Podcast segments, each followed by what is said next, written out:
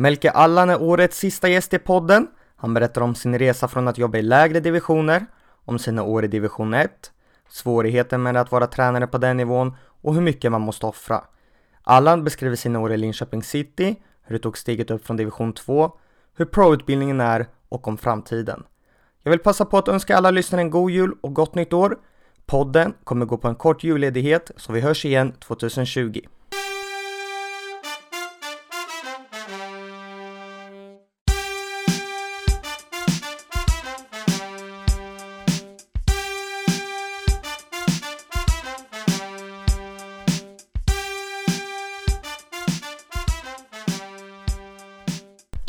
Varmt välkommen Melke Allan till Med fotbollstränarna. Tackar. Hur är läget med dig? Det är bra. Det är bra. Eh, I eh, vintern här nästan höll jag på att säga. Nu har snön smält men det är bra. Du har inget uppdrag just nu. Försöker du liksom förkovra dig nu när du får tillfälle? Ja det gör man ju. Absolut. Eh, när man är mitt emellan två uppdrag eller har eh, haft en period eh, som jag har haft eh, ja, hyfsat intensiv i ett par år här med mycket resande. Så eh, blir det att försöka komma in i, eh, i vanliga lunken om man säger. Eh, och hitta en, en balans med familj och vänner igen. Och, eh, vilket blir sargat under, under den perioden så man är ganska Eftersom man är ganska intensiv i, i upp, mitt uppe i, i uppdraget. Eh, och fokusen ligger ganska mycket på, på eh, föreningen och klubben. Eh, så det, det, är svårt att hitta en balans där men nu, nu får man tid att strukturera upp sig igen i, i det vanliga med familjen och, och vänner och så. Tror du det kan vara viktigt att få ett sånt här en sån här paus för att kanske ladda batterierna igen inför vad som komma skall? Jo men det är det väl, absolut. Ehm, det, det tycker jag väl att eh, tränare kanske bör ha och har troligtvis många tränare också. Så det är ju, som jag sa innan så är det ju när man är uppe i så kör man ju liksom. Man, man eh, är uppe liksom i sitt och, och ska hela tiden leverera eh, på olika nivåer, på olika sätt. Eh, så det blir att man får, man stannar upp lite. Oftast så kanske man inte är så duktig på att dra i handbromsen. Eller eh, kanske inte är tillräckligt skicklig eller har inte prioriterat att eh, strukturera upp tiden utanför eh, fotbollstimmarna om man säger. Även om de är få. Men där eh, kan man bli skickligare. Vi kör igång med faktarutan. Ålder? 44. Familj? Eh, fru och tre flickor och en grabb. Bor? Bor i Örebro sedan 1977. Så jag har inte flyttat på familjen. Jag själv har väl fart runt men familjen bor kvar här. Så. Bästa spelen du har tränat? Ja, den frågan eh, är ju svår. Eh, man har tränat några eh, duktiga spelare genom åren men eh, det finns fler, eh, fler duktiga spelare men jag hoppar på den frågan tror jag. Jag inte vill inte såra någon av dem som tycker att de är bättre än någon annan. Favoritlag? Ja, det har jag ju Aston Villa eh, i England.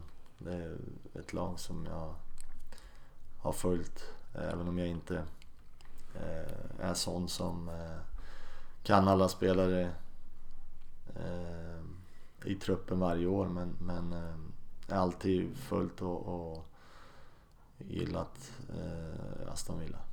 Förebild? Ja, det finns ju, det finns ju många förebilder i olika områden. Eh, finns förebilder familjärt, finns förebilder i idrotten. Eh, men eh, den frågan också. Eh, vem ska jag välja ut? Eh, så jag hoppar på den också. Då får du inte hoppa på den här frågan. Naturgräs eller konstgräs? Här i Sverige skulle jag nog välja eh, konstgräs. Utifrån att jag vill att vi ska ha bollen efter marken eh, när vi spelar. Men utomlands skulle jag nog välja, där vädret tillåter, skulle jag nog välja en fin gräsmatta. Kostym eller träningsoverall på match? Träningsoverall. Skulle jag nog välja. Men jag har det väldigt sällan. Eh, vad det beror på det, det, det vet jag ju men, men eh, jag skulle jättegärna vilja mysa ut i träningsoverall och liksom eh, Men eh, det var många år sedan jag hade träningsoverall på mig eh, eh in, under match. Eh, men eh, jag tror att eh, det har varit en, en eh, precis som spelarna tar på sig matchdressen så för mig blir det att ta på mig min matchdress. Det har varit kostymen då. Eh, redan i tidiga eh, och låga divisioner så har det varit kostym. Men det är klart man har man har fått sig lite kängor från folk eller man har fått sig lite, lite kommentarer från folk när man kommer ut i kostym och, och det regnar och, och liksom man kommer finklädd. Och, men eh, jag tycker det hör till. Eh, men som sagt, jag skulle jag skulle nog eh, kunna tänka mig att, gå ut i, eh, i eh, träningsoverall också. Skulle vara skulle vara mysigt. Vad gör du på matchdag? Ja, det skiljer ju eh, med tanke på att med tanke på att jag eh, de flesta uppdragen jag haft så är ju uppdragen eh, utanför Örebro. Så matchdag har ju blivit väldigt mycket resande. Eh, har vi hemmamatch så måste jag ändå de här fyra åren så måste jag ändå ta mig till Linköping. Och då har jag gått upp väldigt tidigt och, och rest vid sex, sju på morgonen. Eh, för då har vi haft frukost på hotellet och träffat grabbarna. Är det bortamatch så reser vi ju och då måste jag ta mig till den staden. Jag åker inte med bussen eh, med grabbarna. Och är det flyg så måste jag ändå ta mig till Arlanda eller vart vi nu flyger ifrån. Så Eh, mycket resande. Eh, så på matchdagen, ja, när man får lite tid och, och får lite tid över så försöker man kanske eh, gå igenom matchen i, eh, i huvudet. Eh, vilket man också gör dagen innan kanske. Men det beror på hur veckorna ser ut och, och vart man är och hur mycket tid det finns över. Men oftast mycket resande, mycket egen egen reflektion eh, och tänk eh, kring saker och ting i, i bilen eller tåget eller var man nu reser, flyget. Favoritsyssla utanför fotboll? Ja, jag skulle vilja säga någonting typ fiske eller, eller golf eller något sånt som de flesta som, som håller på med det här. Va? Men, men eh, jag försöker nog att umgås med med barnen och familjen. Och, och, kanske lite med vänner då och då. Eftersom den tiden är... Den, den är... Den fin, det finns inte så många timmar i veckan eller, eller dagarna för just den biten. Så det är väl oftast det jag försöker hinna med.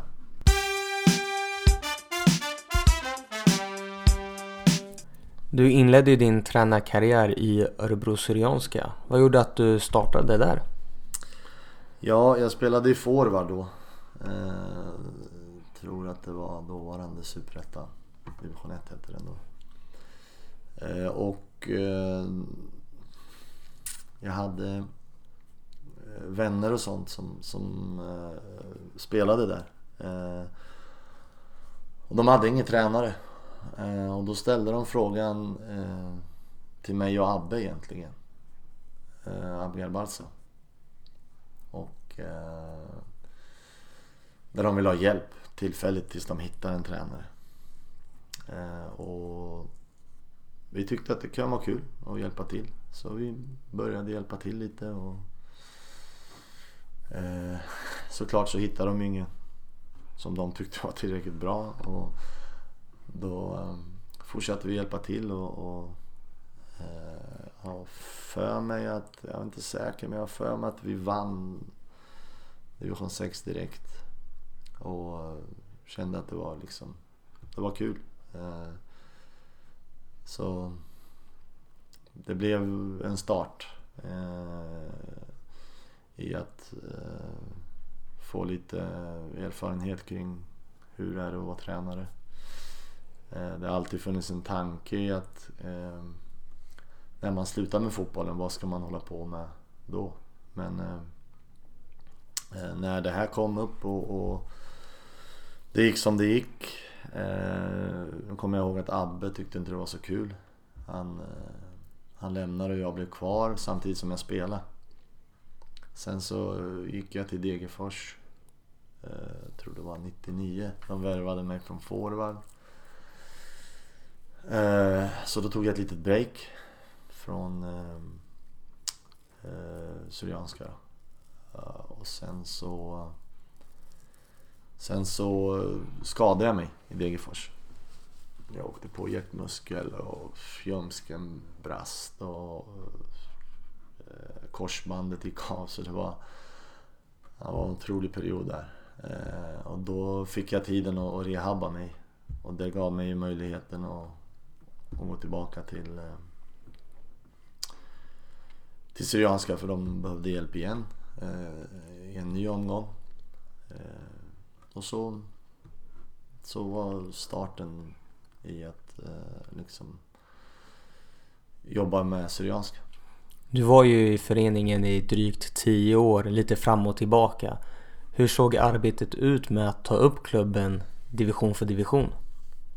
Ja, eh, det var ju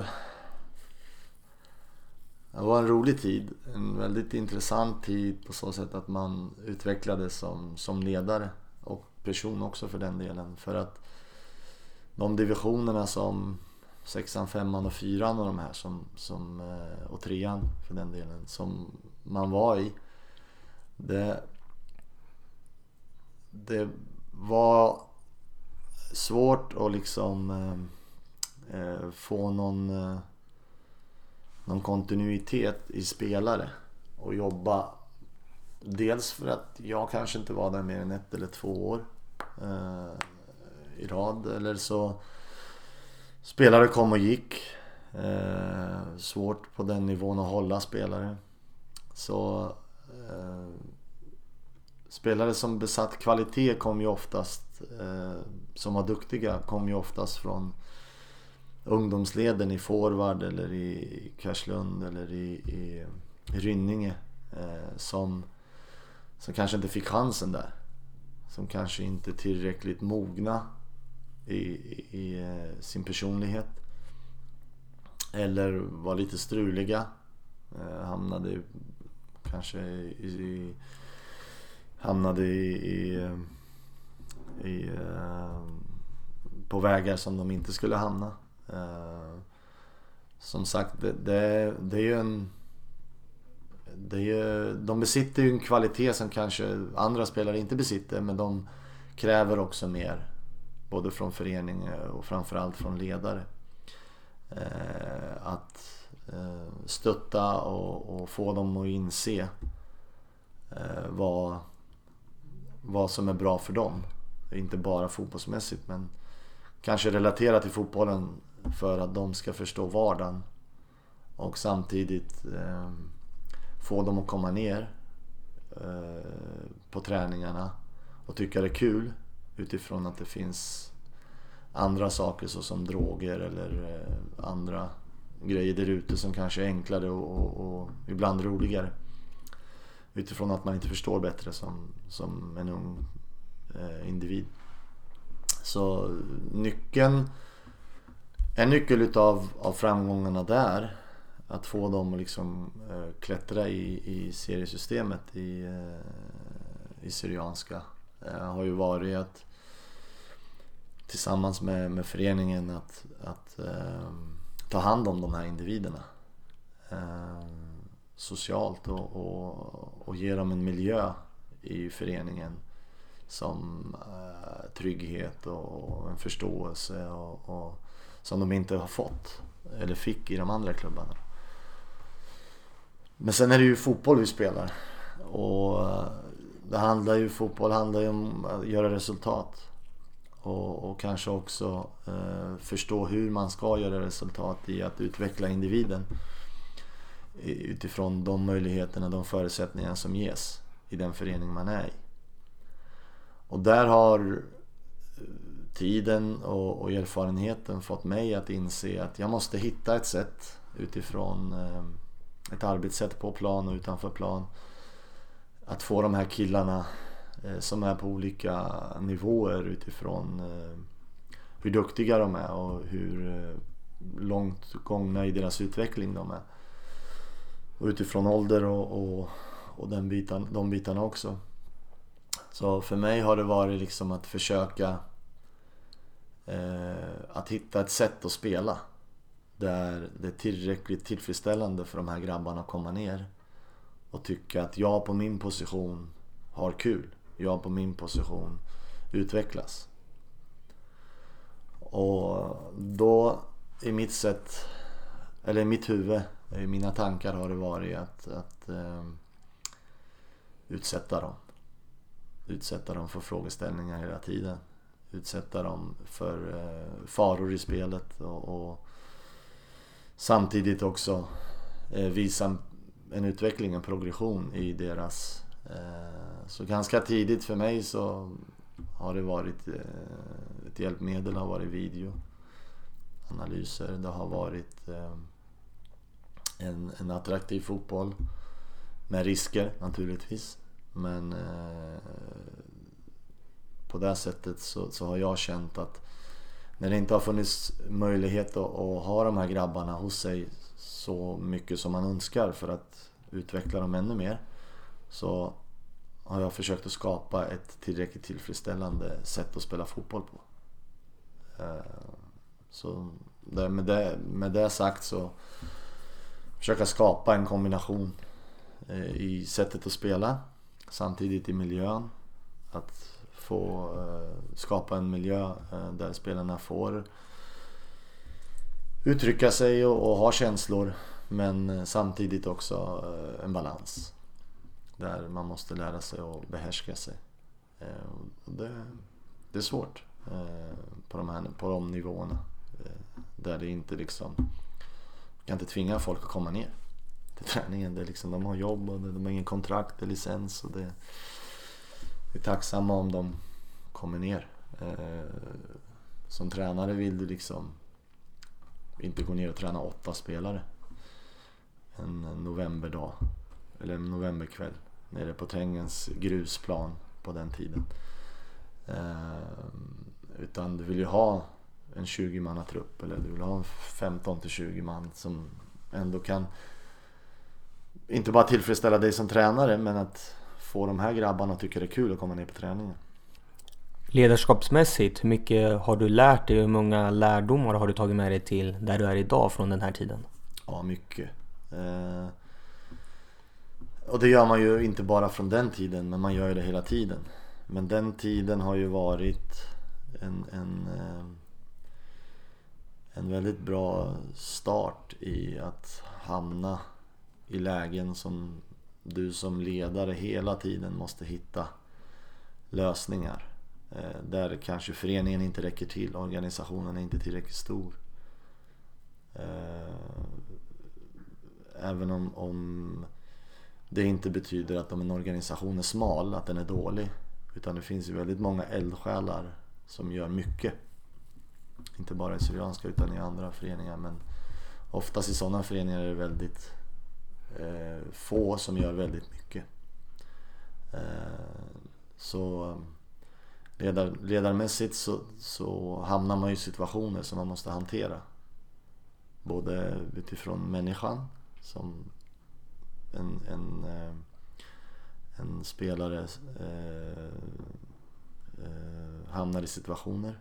Eh, och man måste tänka på människan men samtidigt också beteenden. Varför beter sig den här spelaren på det här sättet? Och när man då pratar beteende så är det ju inte liksom bara aktionen på plan utan det finns ju någonting bakom det hela. Och hur långt och hur djupt kan du gå in i människans huvud eh, hos den personen som beter sig och varför man beter sig på det sättet man gör. Så det kräver tid och det kräver en struktur, en, ett sätt att liksom... Eh, för går du in i någonting så kan du skrapa upp någonting annat. Vilket är en risk. Att det blir åt andra hållet istället för att eh, du vill väl men du skapar någonting annat. Så för den delen känner jag inte mig som en psykolog men ibland så blir det att man man måste ha lite fingertoppskänsla och vara lite försiktig. Att inte gå in på områden som man inte vill ta hand om. Inte bara att man inte kan, men att man inte vill ta hand om. Utan ska du ge dig in i ett område, då skulle du vilja gå hela vägen för att verkligen försöka lösa det. 2008 blev du klar för Armeisk Syrianska i division 1. Hur kändes det då att vara på en rätt så hög nivå i Sverige för första gången? Uh, det var ett steg uh, som var otroligt intressant att ta. Utifrån att man har hållit på som tränare i, i de lägre divisionerna. Allt från sexan upp till trean som jag sa innan. Eh, och då är ju eh, då är ju spelarna produkten som man jobbar med. Spelarna i, i, eh, eh i division 4 eller 3 eller 6 är ju på en nivå som, som kanske inte kan ta in allt som man önskar att de ska ta in. Och när man får möjligheten att kliva upp på, eh, på en, på en eh, division 1 nivå som jag fick så var det ju den första tanken, Ja, vad kul att jag får möjligheten här.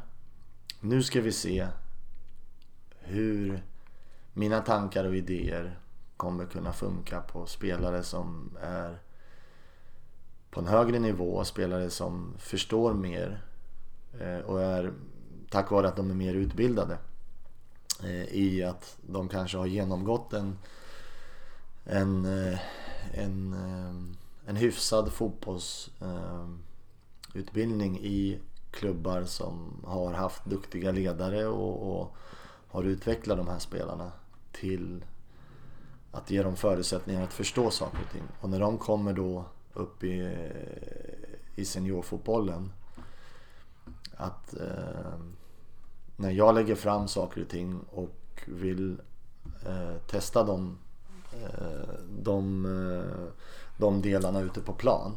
Eh, vårt arbetssätt att spela, förhålla oss till olika skeden i spelet och, och att eh, kunna från ena matchen till andra matchen förändra saker och ting. I själva matchen förändra från första till andra halvlek. I instrueringen, kanske under träningar eller i, i instruera och förändra under första halvlek eller bara efter en kvart. För mig var det liksom, åh vad kul. Eh, att jag får möjligheten och klart intressant och, och, eh, och få möjligheten att och prova på sina, sina ledaregenskaper och, och kunskaper i att leda ett lag men samtidigt också erfarenheten och, och sättet man själv ville spela. Eh, och jag kände tidigt då eh, under, under det, det året att eh, det är skillnad men skillnaden är inte Eh, om jag säger att skillnaden är inte egentligen skillnaden var inte jag Utan skillnaden var spelarna. Men med mitt sätt eh, och med mig så blev det skillnad på dem. Spelarna som var där när jag kom. För jag kom in mitt i säsongen. Eller ja, efter nio omgångar kom jag in. Då hade de, tror jag, tagit tre poäng på nio omgångar och gjort tre mål totalt. Eh, och Naturligtvis när du kommer in i, i, i lag så eh, så får du ju ärva det som finns.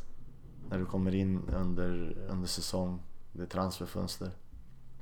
Du har en trupp eh, som du har och det, då är det viktigt att du förstår att det här är det jag har. Kan jag göra det på mitt sätt eller behöver jag göra det på lite annorlunda sätt? Eh, och vad är jag här för? Jag ska ta poäng. Hur ska jag ta de här poängen? Hur ser eh, klubben ut? Hur ser laget ut? Hur kan jag... Den biten är ju väldigt viktig. Men den... Det här året, eh, första året i division 1, 2008 var ju... Det var liksom startskottet på att jag ville eh, verkligen liksom satsa på tränaryrket. Eh, det kändes som att eh, det här kan vara någonting för mig.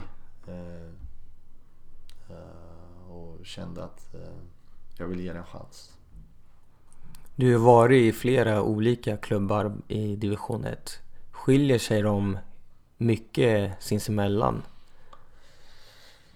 Ja, det beror på hur man ser det. Eh, det är klart klubbar skiljer sig. Eh, men det finns ju lite olika del, alltså det är ju... Ja, de skiljer sig. Eh, de skiljer sig organisatoriskt. Det vill säga hur... Hur är organisationen? Hur, är, hur stor är föreningen? Eh, har de ungdomslag? Har de bara ett lag? Är det bara ett seniorlag liksom? Eh, hur stor eh, är organisationen runt laget? Är det bara styrelsen som jobbar eller har de mycket ideella runt om laget? Hur är ledarstaben? Var är förutsättningarna liksom? Har de en arena eller är det bara en åker eller är det bara en, en gräsmatta eller en plan? Eh, alla de bitarna eh, är ju delar som påverkar ditt ledarskap och hur du ska jobba eh, och driva A-laget, seniorverksamheten. Sen är det ju också som jag var inne på förut, truppen. Kvittar egentligen hur bra organisationen är för tillfället. Om de inte har haft liksom kunskapen i att ta in en rätt trupp utifrån hur de vill spela. Och, och, truppen är ganska avgörande utifrån att det är den du ska jobba med det är ju fotboll. Varje helg eller varje match som kommer ska du ju liksom gå ut och prestera. Utifrån vad målsättningen är i, i laget. Eh, så den kommer du in om du kommer in i tidigt skede innan säsongen och får möjligheten att bygga själv eller om du kommer in i i att ärva eh, en trupp. Eh, du kommer in efter några omgångar eller mitt i säsong eller, eller eh, transferfönstret är stängt och, och de bitarna. Så det är ju... Det kan skilja sig för att eh, utifrån det så blir det ju också för dig som ledare för och nackdelar i saker och ting. Eh, kommer du in i en trupp där det, är en, en det finns en rutin ganska, eh, ganska många rutinerade spelare som har spelat högre upp. Eh, Allsvenskan, Superettan eller kanske till och med varit proffs utomlands. Eh, där är det ju delar som, som eh, du måste tänka på som tränare. Ja, här kommer jag. Det är jag som är Tarzan, nu ska jag lösa det här liksom. Det, det är ju, man kan tycka så. De har valt mig för att jag är duktig, jag ska klara av det här. Men det är ju samtidigt också inte du som ska spela. Utan det är ju din trupp, ditt lag eh, de 20, 22, 24 som du har eller 18 eller 17 eller vad du nu har. En startelva som du ska ta ut och, och ska gå ut och jobba eh, för sig själva men också för, för eh, dig och, och klubben. Och eh, där är det då viktigt eh, att, att känna att ja, men jag har med mig gruppen och får med dig gruppen ganska fort. Och, och där är det då eh, viktigt att, att du vet vad du vill eh, och du presenterar det på ett bra sätt. Eh, du kan sälja in det och de köper det. Det låter jättebra men, men eh, eh, ju fler du får med dig ju enklare blir det. Så eh, tänk dig för hur, eh, hur du vill göra det. Eh, gör din analys, gör din homework eh, utifrån eh, individerna som finns. läs på, man får läsa på ordentligt. hur ser truppen, hur har liksom säsongen varit? Om du nu kommer in mitt i säsong. Är det så att du kommer in i början, ja då bygger du dig själv en uppfattning vad du vill ha. Eh, och om du lyckas få in det du vill ha. Men kommer du in i mitten så, eller under säsong så, så får du järva något som redan finns där. Det kan vara sargat, det kan vara eh, det kan vara liksom knas inom gruppen. Det kan vara den som har varit där innan har inte varit något fel på utan det är fel på gruppen. Så det gäller liksom att känna av eh, och, och, göra din analys på vad har gått fel. Och det kan du kanske inte göra på tre månader utan det måste du göra ganska fort. Och då handlar det om att eh, sitta med folk och, och gå igenom och, och, lyssna, höra, ta in. Eh, vara väldigt lyhörd men samtidigt också utifrån vad du får in att bestämma dig ganska fort att så här ska vi göra. Och då informera och få med dig gruppen och, och samtidigt göra dem delaktiga för att få med dig dem så fort som möjligt. Eh, vilket jag har lärt mig genom åren att det är jätteviktigt. Eh, sen har du ditt ledarteam också. Där är det också viktigt. Nu pratar vi mycket om, om, eh, om spelarna. Men ledarteamet är eh, egentligen det viktigaste eh, verktyget du har. Att eh, få med dig dina eh, kollegor och få dem att förstå vad du vill. Och ta in den erfarenheten de har för att tillsammans kunna maximera eh, där du har. Den truppen du har och den föreningen du jobbar i. Utifrån de förutsättningar du får. Så eh, det är lite skillnad att komma in mitt i, i säsong kontra att komma in i, i, eh, i, innan säsongen. Kommer in innan säsong då får du visa dina skills i eh, hur duktig du är på och hur tydlig du är i vad du vill. Hur du vill spela och hur du kan eh, hur, hur rätt du kan eh, träffa i dina värvningar.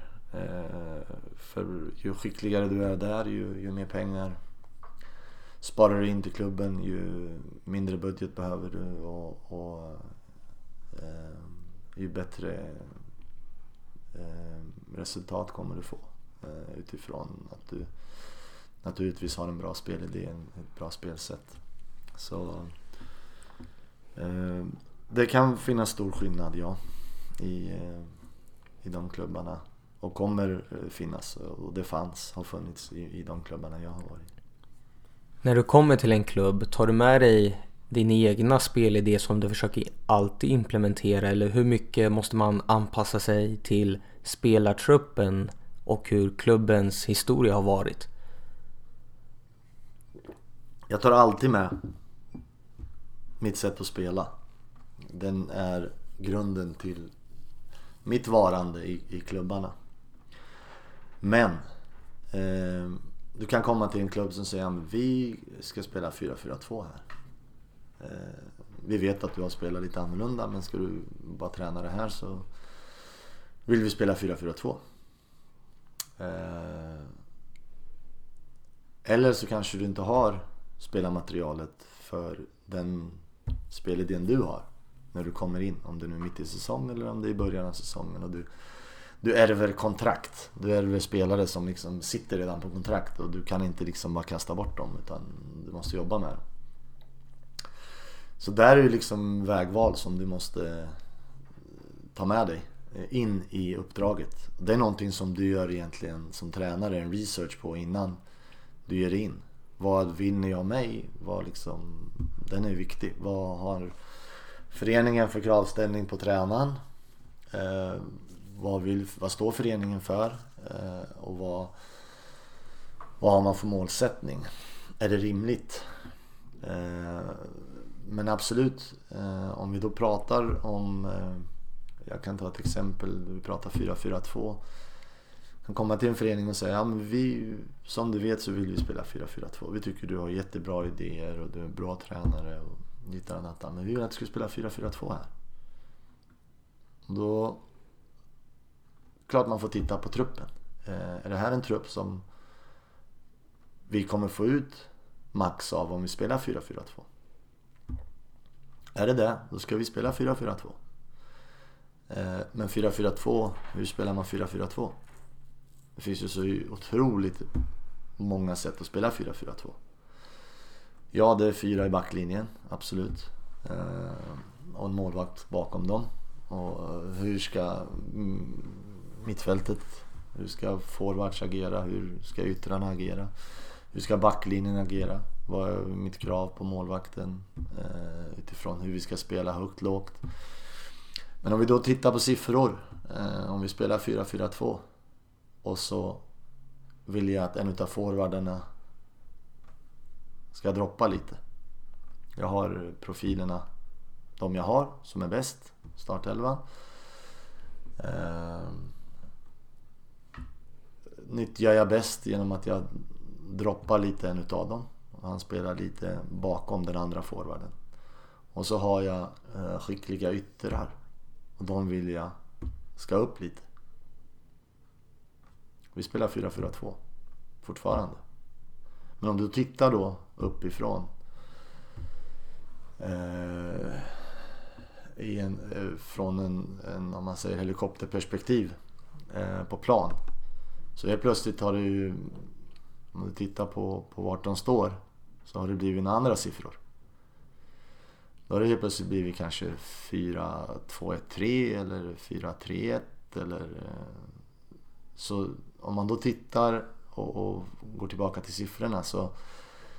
Bra att förhålla sig till utgångspositioner för spelarna för att vara tydliga att så här ska vi starta i dittan och dattan eh, i spelets olika skeden eller eh, att ha de utgångspositionerna men samtidigt är det vad vill du ha ut från varje profil? Och, och, vad vill du liksom få ut från varje position?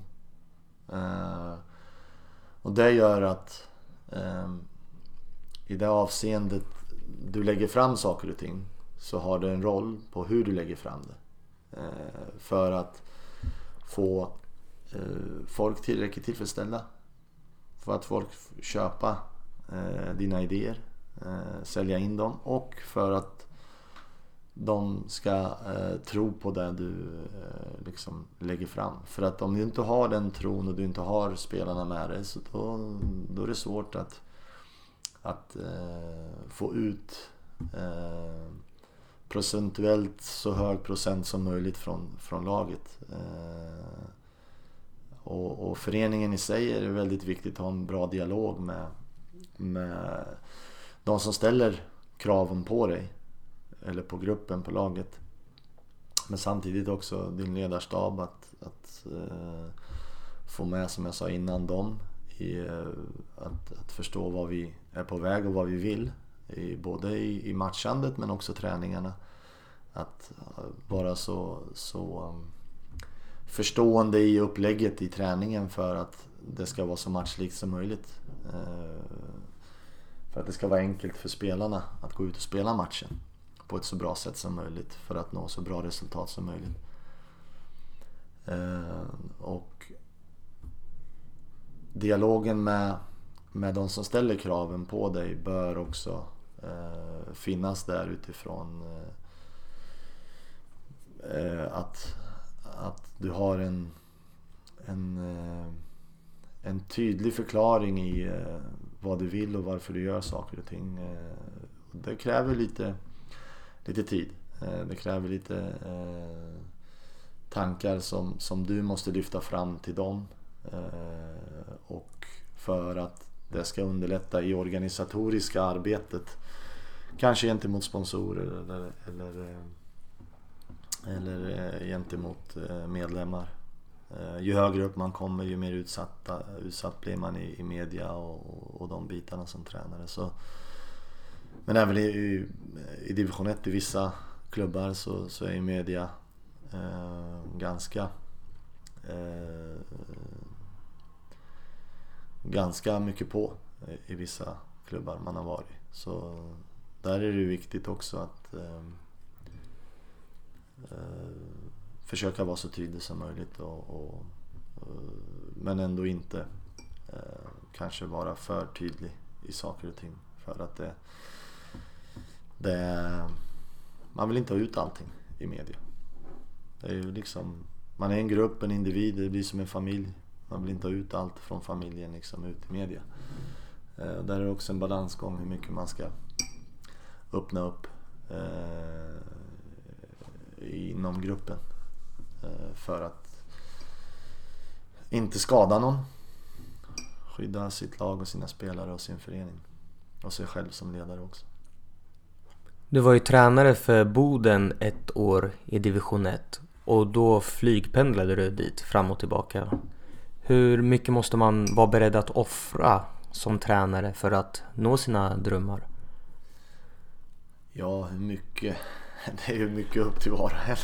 Hur mycket man vill offra men, men eh, eh, Ja, det, det är ju den, den var ju en resa. Eh, Boden var ju en, en eh, ett uppdrag, eh, en, en upplevelse. Eh, väldigt mycket eh, intryck eh, som, som eh, man fick ta in utifrån jag har bott i Örebro hela mitt liv nästan och jag har inte varit där uppe. Bara det var ju en grej. och bo på hotell i, i nästan två månader, ett hotellrum.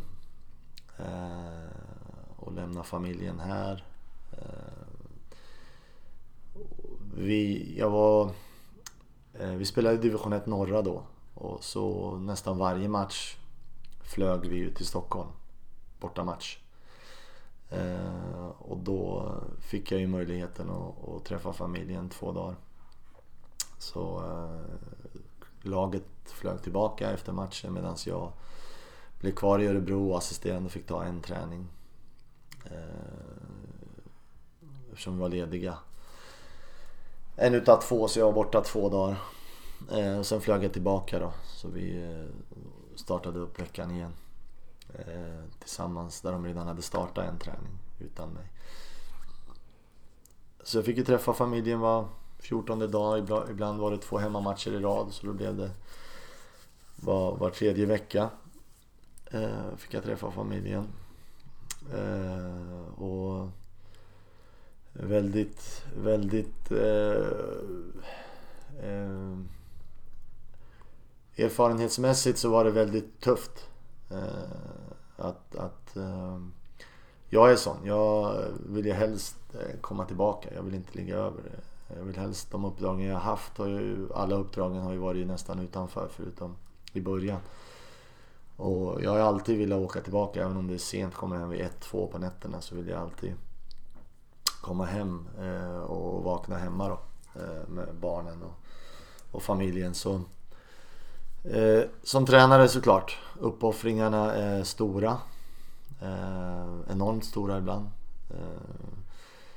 tränare som, som offrar så mycket mister familjer i så sätt att man kanske skiljer sig många tränare som, som har skilt sig och, och lämnar på grund av att det, eh, det är tufft eh, att vara borta så mycket. Inte alla klarar av det.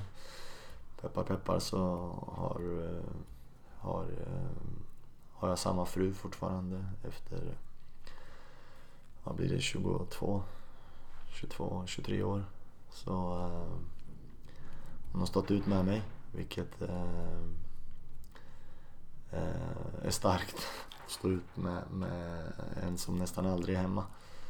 Eh, så uppoffringarna är mycket upp till, eh, till vad man eh, skapar sig för förutsättningar i att vad det är för klubbar.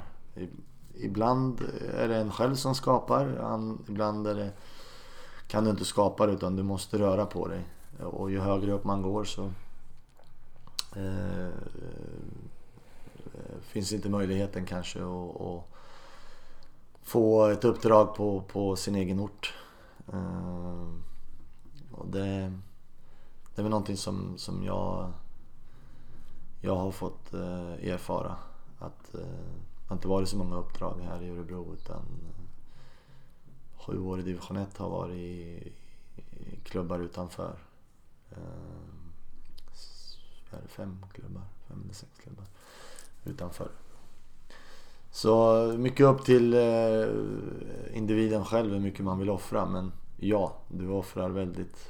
Eh, men jag menar, det är många jobb som du offrar eh, när du väl kommer upp i en i hierarkin på, på företaget eller eh, företagen.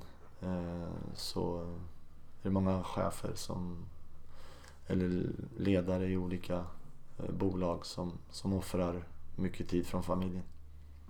Så eh, mycket vad man, vad man klarar av att offra också. Eh, ibland klarar man inte av.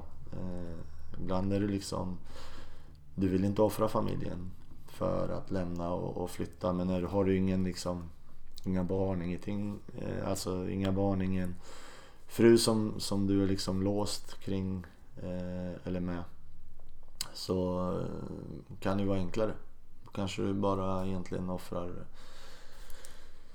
eh, mamma, pappa, familjen, kanske någon syster eller bror som, eh, som en, en resa utomlands inte skadar dig på så sätt utan det blir mer en upplevelse i att, att ge dig möjligheter. Eh, så det är egentligen bara ut och titta. Hur ser eh, familjeförhållandena ut hos tränare? Som jag sa, vissa har offrat och fått skilja sig och, och eh, andra eh, lyckas hitta rätt partner för att eh, leva vidare med en längre tid.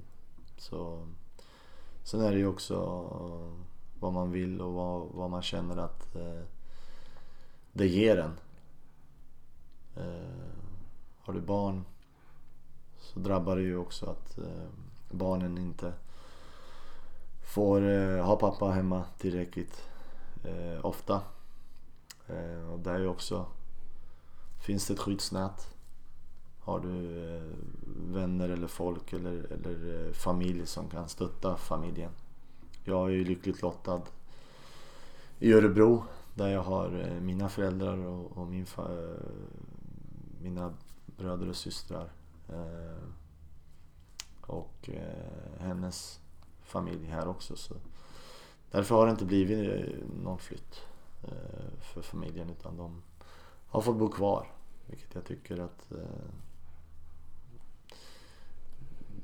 det är bättre att jag dras och drabbas ändå. Så. Men ja, det är väl lite kort hur det kan se ut från min sida kring offring, uppoffringar. Ditt senaste uppdrag var i Linköping City under ett antal säsonger. Hur skulle du beskriva de åren du var där? Otroligt, eh, otroligt eh, kul. Otroligt eh, utvecklande i och med att eh, jag startade som eh, först rådgivande manager. Skulle stötta bara föreningen eh, utifrån att jag hade ett heltidsjobb, vilket jag haft i alla andra uppdrag också i division 1. Eftersom division 1 är som division 1 är. Det finns liksom väldigt få som, tränare som, som går på heltid. Så eh, första året eh, rådgivande. Eh, och, och, ganska kul i och med att vi direkt eh, första året eh, kvalade. Eh, men lyckades inte under kvalet. Andra året lyckades vi gå upp ehm, och vinna division 2. Ehm, tredje året nykomlingar i division 1. Eh, startade väldigt bra men sen eh, eh, fanns inte den, den möjligheten i, i föreningen att satsa och ta in tillräckligt många spelare för att bibehålla eh, kvaliteten och konkurrensen gentemot de andra lagen som, som tog in spelare och satsade. Eh, och nu fjärde året. Eh, återigen eh, en bra säsong från, från klubben eh, där vi hade en, en dipp mitt i säsongen. Utifrån massa skador och, och en väldigt tunn trupp. Eh, 17 man totalt. Och där vi fick en korsbandsskada eh, ganska tidigt på en spelare, lagkapten. Och, vilket gjorde att vi var tvungna att och, och, använda väldigt eh, unga spelare. Eh, massa 03-03 tror jag vi fick använda. Vilket är bra för utvecklingen på det sättet men har, har man som klubben en målsättning att, att vara ett topplag så, så blir det lite svårare. Eh, utifrån att det krävs vinster hela tiden. Eh, från ledning och, och, och sponsorer. Eh, där man måste då överväga eh, om, om eh, utveckling långsiktigt ska gå först eller resultat kortsiktigt ska gå först. Eh, och den matematiken går ju inte ihop Eh, i vissa delar. Eh, utan vill man vinna så, så kanske man måste se till det kortsiktiga för att eh, och då, då kanske inte det går utifrån att det inte finns tillräcklig kvalitet. Eh, när massa skador dyker upp och, och du får använda väldigt unga spelare som inte har erfarenheten. Det är ändå en ganska tuff serie, division 1. Så. Men eh, det har ju varit också väldigt utvecklande i och med att man har fått vara eh, en stor del i, i föreningens utveckling. Eh, att etablera sig ganska fort eh, som ett topplag redan första året, andra året. Eh, sen eh, har ju eh, klubben har ju liksom hela tiden strävat efter att ta sig upp i seriesystemen. Och därifrån så har man ju haft eh, gjort satsningar i, i Linköping i många omgångar för att nå en, en division 1 eh, plats och få tillbaka lite fotbollen i, i Linköping. Ehm, så eh, väldigt kul att få, få vara del i, eh, i en sån resa. Eh, och ett sånt projekt som de har liksom hela tiden försökt att jobba eh, fram eh, ett division 1-lag och, och, mot, mot superettan. Så nej, väldigt kul men väldigt uppoffrande. Utifrån att man, jag har ju bott kvar här och, och fått pendla nästan var och varannan dag. 56 gånger i veckan. Så Eh, otroligt kul. När ni spelade i division 2 var ni ett topplag under de två säsongerna. Vad är viktigt rent spelmässigt när man är ett topplag, tycker du? Ja, alltså när du är ett topplag. Eh, när du är ett topplag och eh, du eh, strävar efter att vinna varje match så eh, Eh, finns det vissa delar som, som eh, är eh, väldigt, väldigt viktiga att ta med sig. och en utav de viktigaste är då att ha en egen spelidé, tycker jag. utifrån att ehm, när du är ett topplag och när du tydligt går ut och ehm, Eh, meddelar alla eh, att du ska vara ett, och bli ett topplag så eh, förändras lite grejer. Och det som förändras framförallt är inställningen hos dig och din klubb. Men samtidigt också förändras motståndarnas sätt att spela. Och med det menar jag att när du möter ett lag som vet att du är ett topplag så kanske inte de är så intresserade av att ha bollen så mycket utan de är mer intresserade av att försvara sig och, och eh, ligga väldigt lågt och stänga eh, spelytor och, och eh, göra det svårt för motståndarna. Så då måste man eh, samtidigt som man har sin spelidé som är väldigt, eh, bör vara väldigt tydlig eh, så räcker det inte med att kanske ha en eller två vägar att gå utan eh, du måste hitta lösningar Eh, i variation utifrån att du får inte möjligheten att spela igenom lagdelarna. Så då måste du ha kanske ett, ett, eh, flera scenarion i, som du måste kunna hantera som, som lag utifrån att eh, när lyckas vi göra mål på motståndarna? Eh, hur kommer de eh, spela mot oss? Kommer de spela lågt och hur länge spelar de lågt? Eh, hur ska vi hantera deras låga försvarsspel? Eh, ska vi börja slå långt direkt eller hur?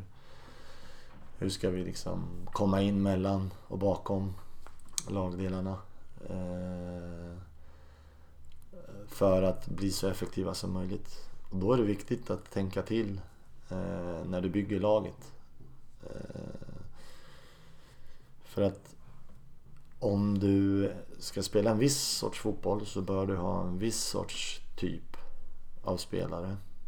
Ska du spela en annan typ av fotboll så kanske du behöver en annan typ av, av, typ av spelare.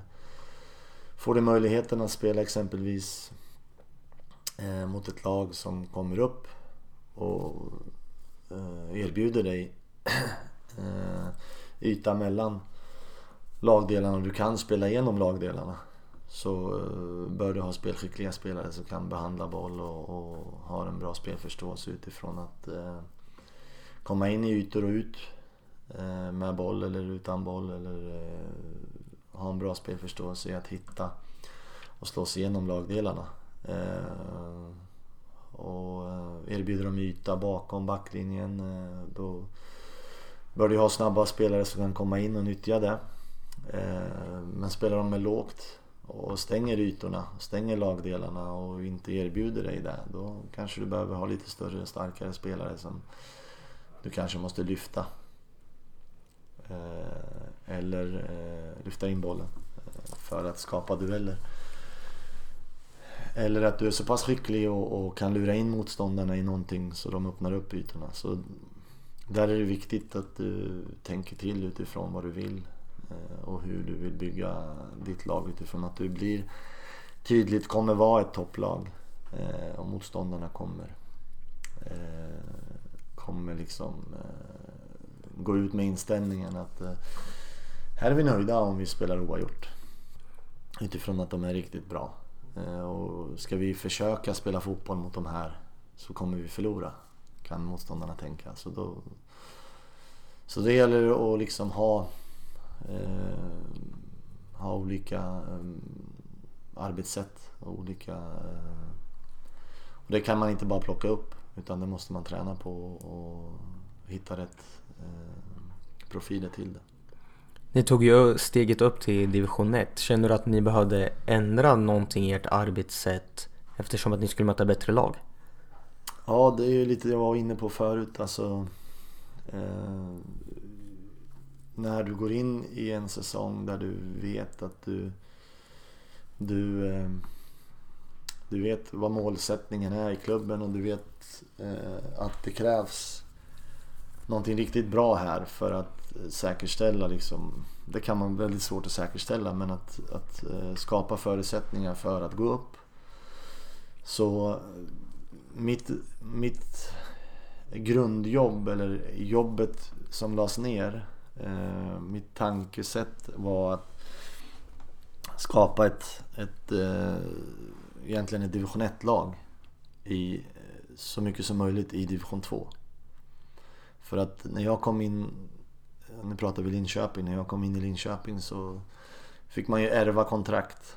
Eh, man ärvade kontrakt som, som bara var väldigt kortsiktiga, ett år. Och det första arbetet med kontrakten var att försöka få längre kontrakt, hitta rätt profiler, rätt typer att bygga runt. Eh, för att eh, kunna eh, få en så bra grund i division 1 som möjligt när, när vi väl lyckas gå upp. så, och det är inte lätt utifrån att spelar du division 2 och du vill bygga ett lag som ska spela nästan samma lag som ska spela i division 1. Då måste du naturligtvis hitta spelare som är tillräckligt bra för division 1. Som ska acceptera att spela i division 2. Uh, eh, och när du kommer till en förening som i Linköping där uh, upptagningsområdet uh, inte var tillräckligt dels eh, scoutad men eh, utifrån den scouting som fanns också inte tillräcklig. Kvaliteten var inte tillräcklig för att eh, få in den sortens spelare som jag sökte.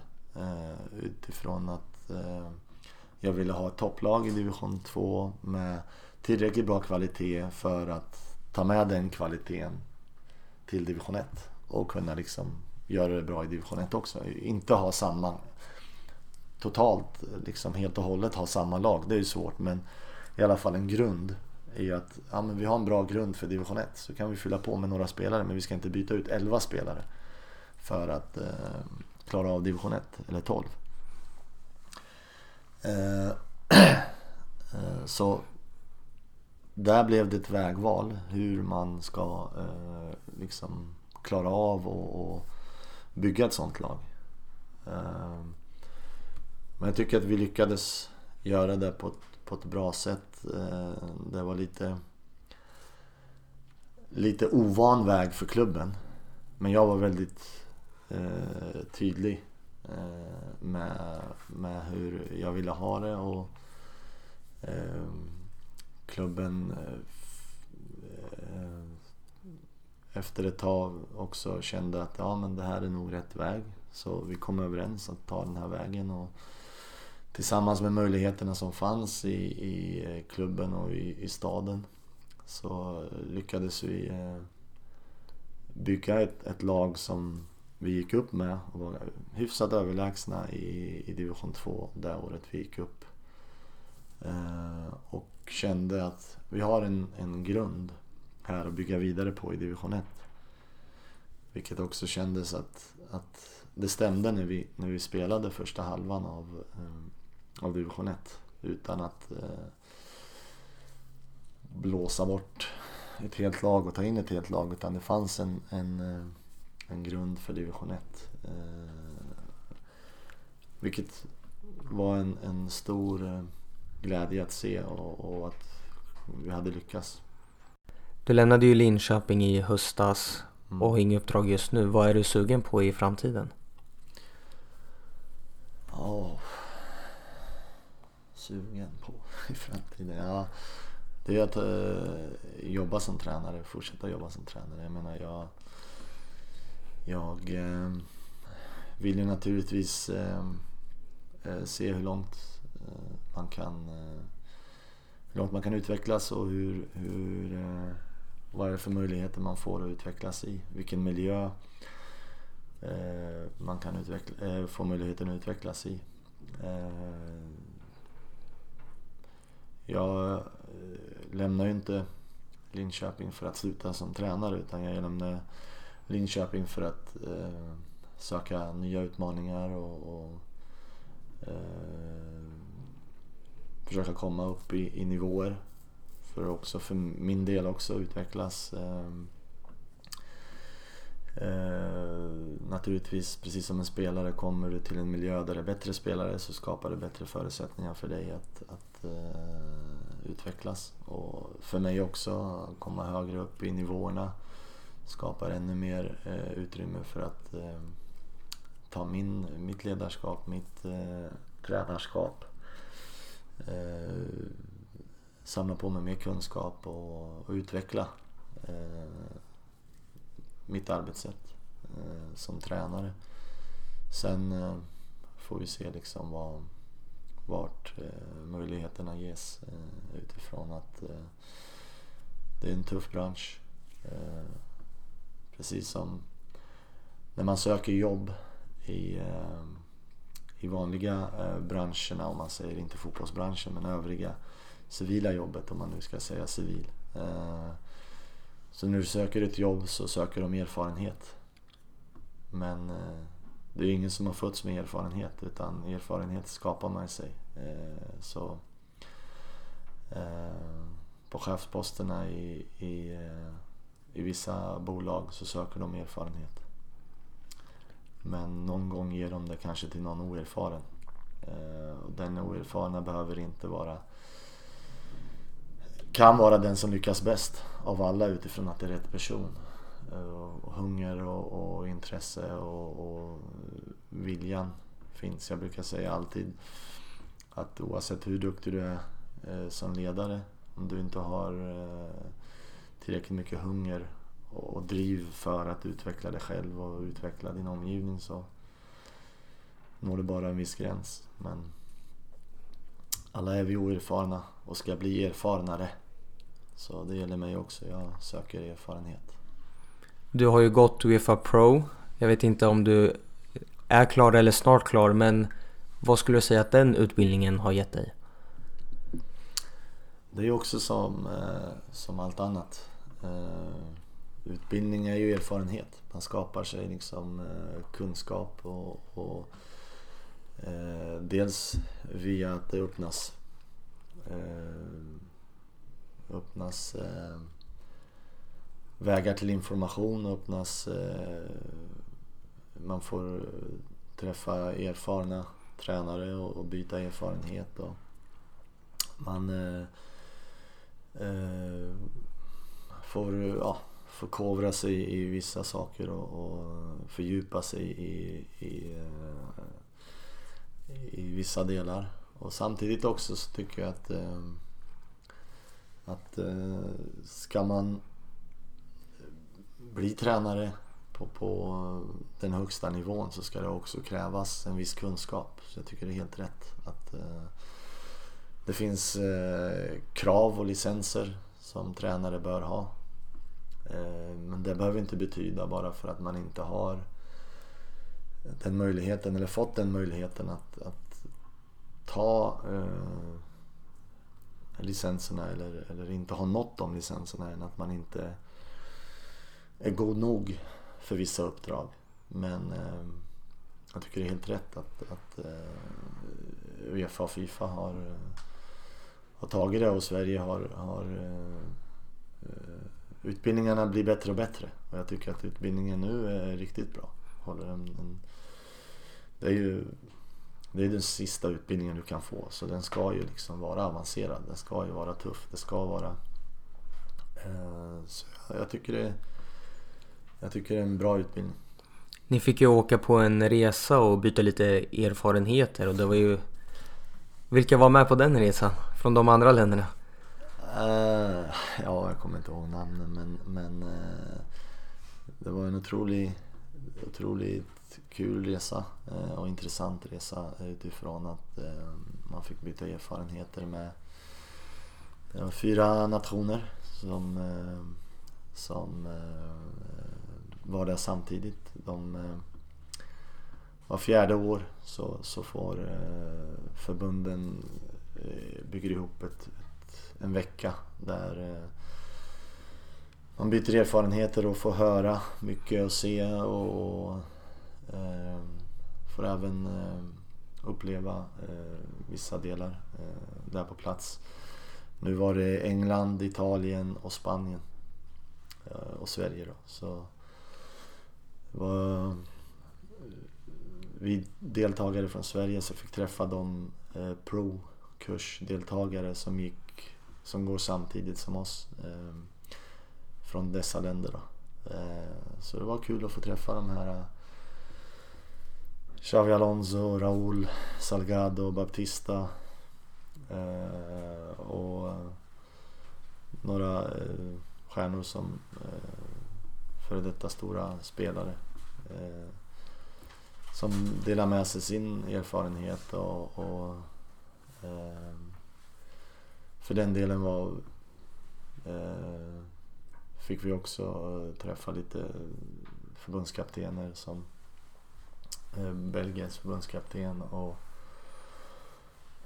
och lyssna på, på vad de kunde dela med sig utifrån sina erfarenheter. För att på de här nivåerna så är den viktigaste erfarenheten den, den, från varandra är ju liksom att lyssna och, och höra vad du har för erfarenhet, vad den andra har för erfarenhet eh, utifrån eh, de klubbar och de nivåerna de har varit på. Och eh, sen är det mycket upp till dig vad du vill ta till dig, hur du vill omvandla, du vill utveckla ditt både ledarskap men också taktiska och, och, och träningsbitarna. hur du vill leda dina lag och, och, och, träna dina lag och vilka metoder du använder av och vilka spelsystem du vill. Hur flexibel du är i din eh, träning och i dina miljöer.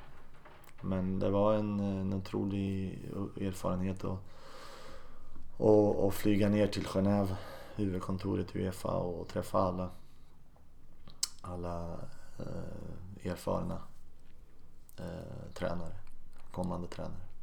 Vilken tränare skulle du vilja lyssna på i den här podden? Oh. Vem skulle jag vilja lyssna på? Det finns nog fler jag vill lyssna på men eh, jag vet inte vilka du kommer åt. Det är flera förslag. Ja, eh, Benny Lennartsson skulle jag nog nu har jag lyssnat på honom väldigt många gånger men, men eh, jag tror att det skulle vara en... en eh, jag har haft Benny så jag, känner till honom men, men eh, den, den ledaren skulle vara en utav dem. Stort tack att du tog dig tid och lycka till med nästa uppdrag. Mm, tack själv.